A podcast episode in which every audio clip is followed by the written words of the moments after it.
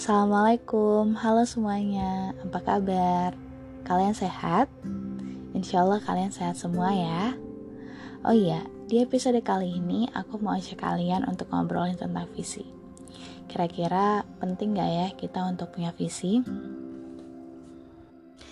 Apa aja sih manfaat kalau kita punya visi di dalam hidup kita? Yuk kita bahas satu-satu apa sih sebenarnya visi itu? Simpelnya, visi adalah tujuan akhir. Tujuan akhir dalam kehidupan kita, apa tujuan dari perjalanan hidup kita saat ini.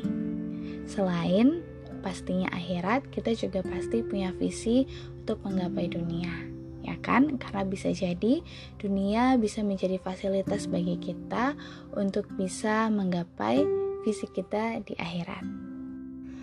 Kalau kalian yang belum menemukan visi dalam kehidupan kalian, kita bisa banget nih melakukan tiga tips ini. Yang pertama adalah membuat visi yang mencerminkan apa yang penting dan memotivasi kita. Jadi kita bisa merefleksikan diri kita untuk berpikir nih, kira-kira apa saja yang penting dan juga memotivasi kita untuk bisa mencapai tujuan tersebut. Yang kedua adalah tetapkan tujuan. Nah, ketika teman-teman sudah membayangkan hal-hal yang penting dan yang bisa memotivasi teman-teman, teman-teman bisa banget untuk menetapkan tujuan. Dan yang ketiga adalah kembangkan dan jalankan rencana. Jadi bukan hanya tujuan semata, tetapi bisa direalisasikan dengan mengembangkan dan menjalankan rencana yang nantinya akan mencapai tujuan. Karena apa? Visi tanpa aksi adalah sebuah omong kosong. Aksi tanpa visi tidak akan berarti apa-apa, tetapi visi dengan aksi akan mengubah dunia.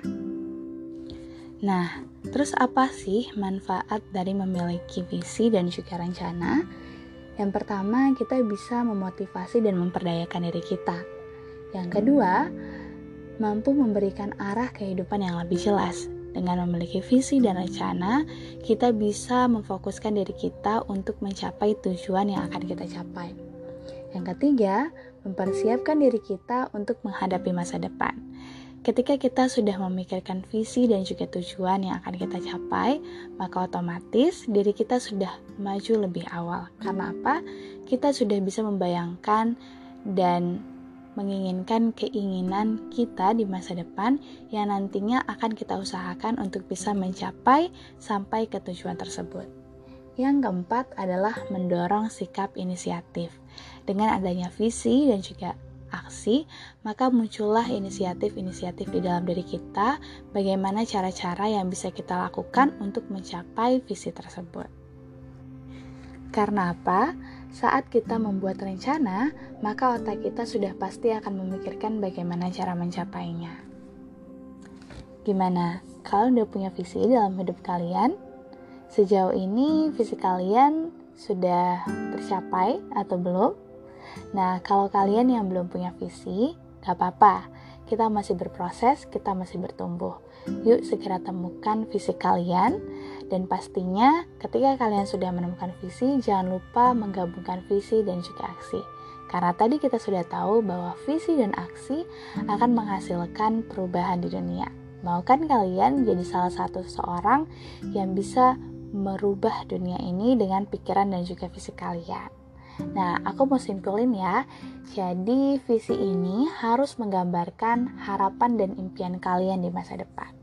Visi juga menggambarkan apa yang ingin kamu capai, dan yang terakhir, visi menggambarkan arah hidup dan dasar tindakan di masa depan kita nanti.